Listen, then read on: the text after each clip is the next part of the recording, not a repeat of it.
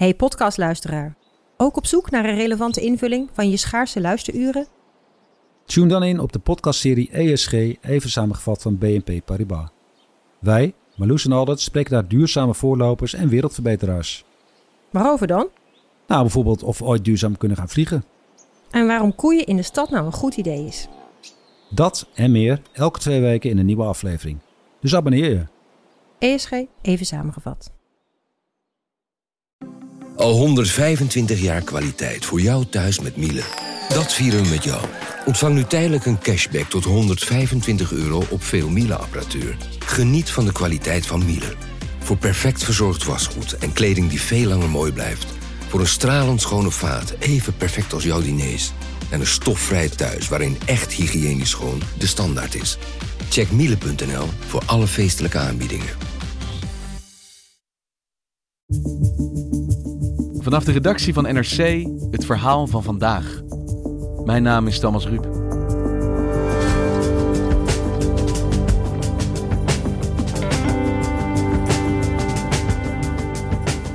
Kritiek op het kapitalisme is van alle tijden, maar tot voor kort toch vooral een linksgeluid. Dat is niet langer zo. Liberalen, conservatieven en zelfs de allerrijkste op aarde uiten inmiddels kritiek op het kapitalistisch systeem. Wat is er aan de hand?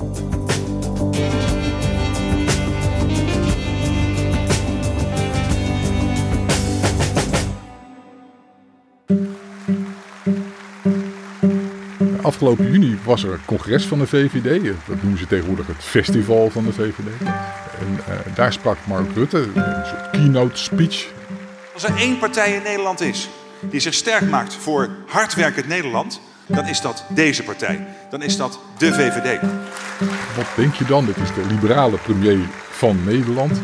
Die breekt de lans voor de liberale beginselen, voor het zo min mogelijk in de weg leggen van de ondernemer. Uh, voor een kleinere overheid. Kortom, het stapelgoed van het liberale denken. En uh, er gebeurde iets heel anders. Er is op dit moment iets aan de hand wat mij totaal niet bevalt. En daar wil ik met jullie over praten. Hij brak een lans voor uh, loonsverhogingen, voor bescheidenheid bij de top. Wat op dit moment gebeurt, is dat de winsten in die grote ondernemingen klotsen tegen de plinten op.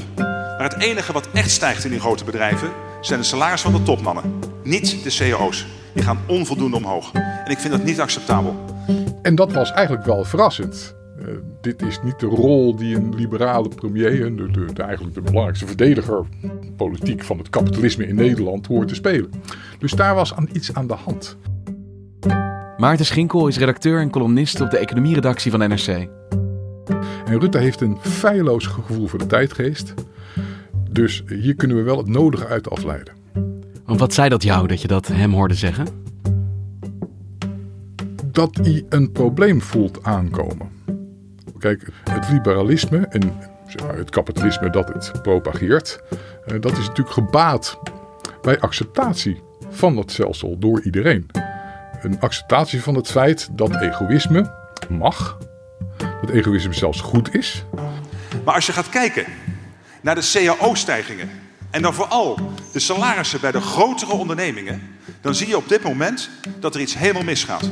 Maar dat er wel dan andere mensen van moeten kunnen uh, meegenieten.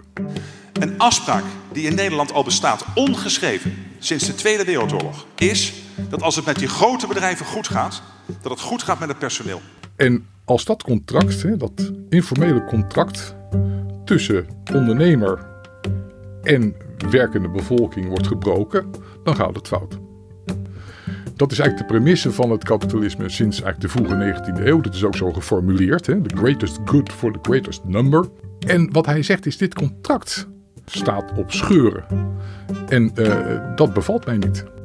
En terecht trouwens. Want het kapitalisme staat of valt met acceptatie van dat systeem door iedereen. En wat Rutte eigenlijk zegt is, we moeten ingrijpen voordat dat te laat is.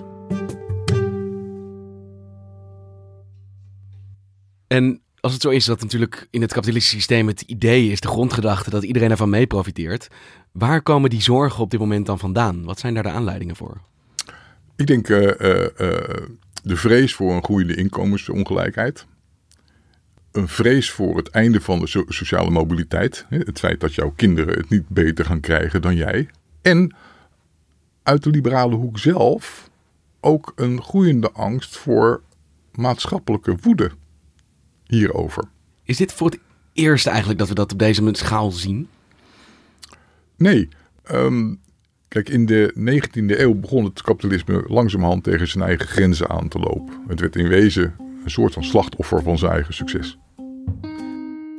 Je had nieuwe sectoren. Sectoren die er voorheen helemaal niet waren. Je had de spoorwegen, je had de staalindustrie, je had kolen, je had eh, eh, moderne financiën. eh. en in heel veel van die eh, nieuwe sectoren ontstonden ondernemingen. Die ondernemingen werden ook heel erg groot. Zo groot dat ze dominant werden. En ze werden zo dominant dat op een gegeven moment ook alarmerend begon te worden. En de mensen die die ondernemingen hadden, die werden heel rijk. En eigenlijk ook nog, het is uitgerekend, een een factor twee tot drie keer zo rijk als de internetondernemers van nu de rijkste daarvan eh, zijn. Rijker dan nu in verhouding. Ja, ja, toen wel. Ja, Want ja, wat voor ja. een, eh, bedragen hebben we het dan over? Kijk, bij internetondernemers nu, hè, van Facebook of van Amazon of een soortgelijke bedrijven, heb je het over vermogens van 100 miljard dollar. En destijds had je het, had je het over 200, 300 miljard dollar. Omgerekend. Ja, eh, Rockefeller bijvoorbeeld. Hè, altijd, altijd spreekwoordelijk, de spreekwoordelijke rijke aard, aard nog altijd gebleven. Hè, van een generatie geleden of twee generaties geleden was je, als je rijk was, was je een Rockefeller. hè. Ja, maar die toen gewoon nog letterlijk rijkaard was. Die letterlijke rijkaarten, die, die had eh, 340 miljard dollar. En dat is teruggerekend in, in dollars van nu. Hè. Zijn er overeenkomsten in die tijd en die, die verhoudingen, eh, als je dat vergelijkt met nu? Er zijn, zijn schimmen, zeg maar. Het rijmt. Hè. Eh, De geschiedenis herhaalt zich niet. Hij rijmt, wordt wel eens gezegd. Ehm, je ziet dus machtsconcentraties bij eh, de ondernemingen die de nieuwe velden verkennen. Hè, de tech-ondernemingen. Ehm, je ziet een eh, afbrokkeling van arbeidsomstandigheden op dit moment. En je ziet eigenlijk een, een, een, het terugvallen van een soort relatieve koopkracht. Het feit dat, dat de werknemer eh, weer veel minder gaat verdienen eh, dan de baas. En er wordt bijvoorbeeld gesproken, in de, in de 19e eeuw had je het, proletariaat. Hè? Destijds de, de term voor de onzichtbare, kansloze arbeidersmassa. eh, onderbetaald, slechte werkomstandigheden. En die heeft moderne pendant en dat is het precariaat. Het precariaat is eigenlijk de groep van mensen in de samenleving die in precaire omstandigheden leeft. Geen baanzekerheid, niet goed betaald, ehm, geen hypotheek kan krijgen. En langzamerhand dus zeg maar in een soort kansloze of uitzichtloze situatie terechtkomt. En jij ziet dus parallellen tussen de problemen waar het kapitalisme eind 19e, begin 20e eeuw mee kampte. Eh, met als grote verschil denk ik dat het toen nog een heel stuk erger was dan nu. Maar hoe zijn die problemen destijds opgelost? Nou, er zijn, er zijn natuurlijk heel veel eh, invloeden geweest, maar laten we eens even ontoelaatbaar samenvatten. Eh, het ontstaan van vakbonden, het feit dat arbeiders zelf de handen ineens sloegen en betere voorwaarden afdwongen voor hun werk. En daarnaast ehm, heb je natuurlijk ook besef gehad bij ondernemers zelf dat de arbeider eigenlijk de afzetmarkt was. Hoe bedoel je dat? Nou, Henry Ford het heeft, het, heeft het destijds heel goed samengevat. Eh, Ford, de grote au- automobielmagnaat. Die heeft gegeven gedacht, ja, eigenlijk moet ik zoveel betalen aan mijn arbeiders... dat ze allemaal zelf een T-Ford kunnen kopen. The Model T was simple, reliable for its day. Uh, it was very, very rugged, Want wie gaat het anders doen? And it was also cheap. Dus ze moeten zelf de auto kunnen kopen die ze produceerden in zijn fabrieken. Als je een massamarkt wil maken, dan moet je een massa hebben die genoeg verdient... eh, om spullen te kunnen kopen. From the beginning, there seemed to have been two strands in American car making. There were the people who were making horseless carriages for the rich, loading them down, making them heavy and luxurious. And then there was Henry Ford. En je had het over de magnaten, dus de, de, de spoorwegkoningen, de, de oliemagnaten, eh, de staalmagnaten. Wat is er met hen gebeurd? Bleven, dat, eh, eh, blijven ze even machtig? Een van de belangrijkste gebeurtenissen eigenlijk op dit punt is het, het opknippen van Standard Oil. Standard Oil was de olieonderneming van, van Rockefeller, hè, de grote rijkaard. en Rockefeller had eigenlijk een monopolie voor zichzelf geregeld. de productie. En dat werd ook de Amerikanen gegeven gewoon te veel. En er is een lang proces gevoerd om dat bedrijf op te knippen. En dat is uiteindelijk ook gebeurd. En eh, als je nu eh, naar Texaco gaat, of naar Esso, of naar Mobil, of naar, zelfs naar, via een omweg naar British Petroleum, naar BP, dan zijn het indirect eigenlijk allemaal nazaten van, van Standard Oil. Dat zijn allemaal stukjes Rockefeller eigenlijk. Dat zijn stukjes Rockefeller, ja. ja maar het opknippen van Standard Oil lijkt me niet een initiatief vanuit Standard Oil. Die hebben natuurlijk belang bij een monopoliepositie, bij hoe groter, hoe machtiger, denk ik. Dus waarom is dat dan toch gebeurd in die tijd? Uh, omdat men besefte hoe belangrijk concurrentie is voor het kapitalisme. Er moet geconcurreerd worden. Concurrentie is eigenlijk de motor van het kapitalisme. Ik wil het beter doen dan jij. En omdat ik het beter doe dan jij, maak ik betere producten, ben ik productiever, gaat de welvaart omhoog, ga jij weer beter je best doen dan ik. Um, en zo gaan we, gaan we, gaan we er met z'n allen op vooruit. Daar heb je een overheid voor nodig, toch? Die zegt, ja, dit is wel mooi, deze markt, maar je moet wel een gelijk speelveld hebben. Niet, iemand moet niet te machtig worden of te veel macht krijgen of uh, anderen de markt uitdrukken of iedereen maar opkopen zodat er niemand over is. Dat mededingingsrecht daarvan kan je eigenlijk zeggen dat het destijds met de zaak Standard Oil is ontstaan. En moet je dat zien als een inperking van het kapitalisme op een bepaalde manier? Of is dat niet zo? Nou ja, kijk, het is goed om alles zijn gang te laten gaan. Maar je hebt, je hebt een soort van grenzen nodig die je aangeeft waartussen dat allemaal kan gebeuren. Uh, neem een basisschool. Het wordt speelkwartier. We zeggen tegen alle kindertjes, jullie mogen hand in hand in rijen van twee over het plein marcheren. Nou, hoeveel meesters en juf heb je nodig om daarop toe te zien? Eén. Op het moment dat je, dat je tegen alle kindertjes zegt van ga je gang, hè, stuif naar buiten, hè, maar niet van het speelplein af. Hoeveel meesters en juf heb je nodig om daarop toe te zien? Nou, wel vier of vijf. Op het moment dat je zegt er is geen speelplein meer, hè, daar is de stad. Ga naar buiten en we zien jullie over 20 minuten. Dan weet je dat er een paar kindertjes niet terugkomen. Dus je, je moet zeg maar, een soort van grenzen maken. En je moet voldoende toezicht hebben dat iedereen zich ook wel gedraagt. Hè? Dat er geen schoolbully is, zoals Rockefeller, die eh, iedereen zijn, zijn lunchgeld aftroggelt. Hè? Terwijl eh, de juf of de meester dat niet zien. Dus als je het zou kunnen samenvatten, dan zijn er eigenlijk in het begin van de 20e eeuw meer regels bijgekomen. En er zijn meer meesters en juffen bijgekomen op de schoolplein. En dat hebben we aan het eind van de 20e eeuw allemaal weer afgebroken. En waar is dan het omslagpunt gekomen dat dat systeem toch weer is beginnen te knellen? Dat er iets mis aan het gaan was? Ik denk zelf. Uh, eind jaren 80, in 1989, uh, eh, viel het ijzeren gordijn, zoals we allemaal weten. En wat er toen gebeurde, was dat eigenlijk het enige zichtbare alternatief uh, voor het kapitalisme failliet ging. En vanaf dat moment ging het kapitalisme, de winnaar, kennelijk het beste systeem, geen rivalen meer, ging volledig in de overdrive. En wat we in Nederland bijvoorbeeld hebben gezien is dereguleren, privatiseren, liberaliseren. De jaren negentig waren een feest eh, van, van de nieuwe economische vrijheid. Want het is eigenlijk precies het tegenovergestelde van wat er in de jaren dertig gebeurde, waarin het juist steeds meer nou ja, een beetje ingekapseld werd, waarin die checks en balances vergroot werden, werd het hier allemaal losgelaten. Het werd allemaal losgelaten, want eh, dit systeem had uh, gewonnen. Dit systeem had gewonnen. Afschudden van ideologische veren is voor een politieke partij als de onze niet alleen een probleem. Het is in bepaalde opzichten ook een bevrijdende ervaring. Ik zeg het Paul Kalma na, we schrijven 1987. Een werkelijke vernieuwing van de Partij van de Arbeid begint daarom met definitief afscheid van de socialistische ideologie.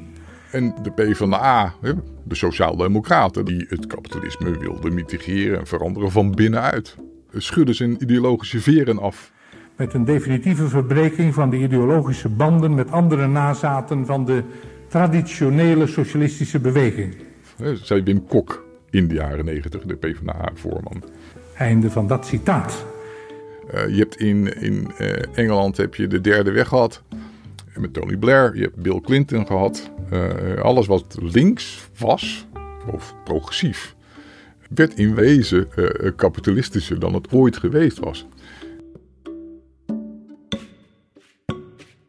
Ik denk zelf dat die ongebreidelde vrijheid, al de kindertjes op het schoolplein, schoolplein halen we eigenlijk, we halen de muurtjes ook weg. We zetten één juf neer. Uh, dat dat in wezen heeft geleid tot bijvoorbeeld uh, de crisis van 2008. Het feit dat de financiële sector zo ongelooflijk uit de hand kon lopen zonder dat iemand het zag.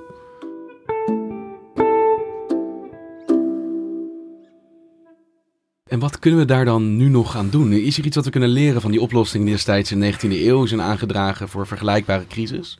Nou ja, een van de aspecten daarvan is dat destijds natuurlijk de nieuwe industrieën waar die monopolies ontwikkelden, dat die zijn aangepakt, met name de olieindustrie. Uh, en dat daar de grootste, meest bedreigende, alles overheersende maatschappij gewoon is opgedeeld in kleine stukjes die met elkaar begonnen te concurreren. Want concurreren, hè, concurrentie, is natuurlijk het hart van het kapitalisme. Er gaan nu stemmen op, en daar ben ik ook wel mee eens, om die grote techbedrijven, bijvoorbeeld Facebook, om die gewoon op te delen en ook met elkaar te laten concurreren.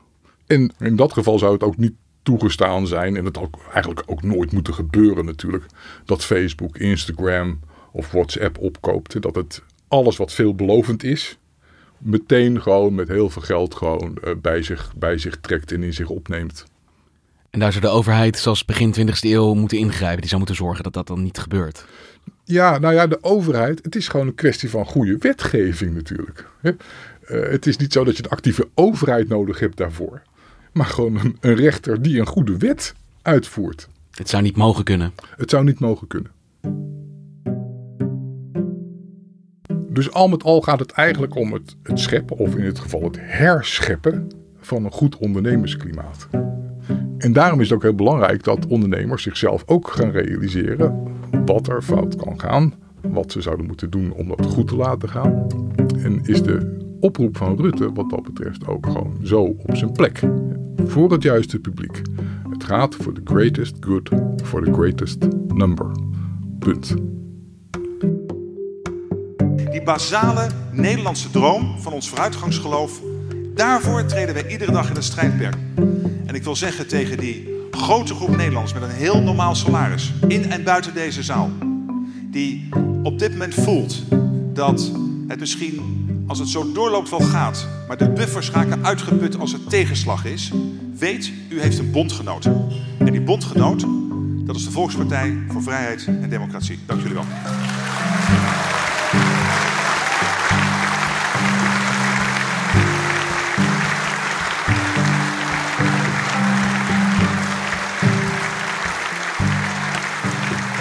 Dankjewel Maarten.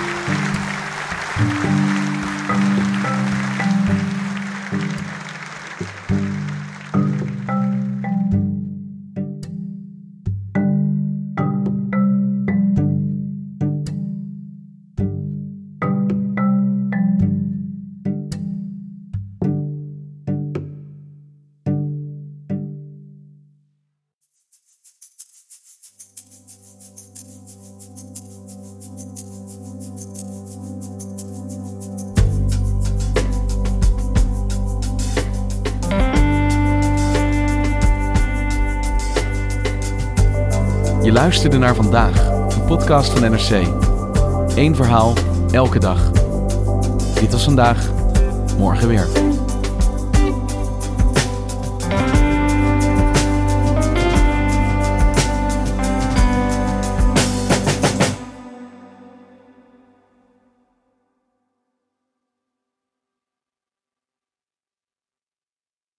Technologie lijkt tegenwoordig het antwoord op iedere uitdaging.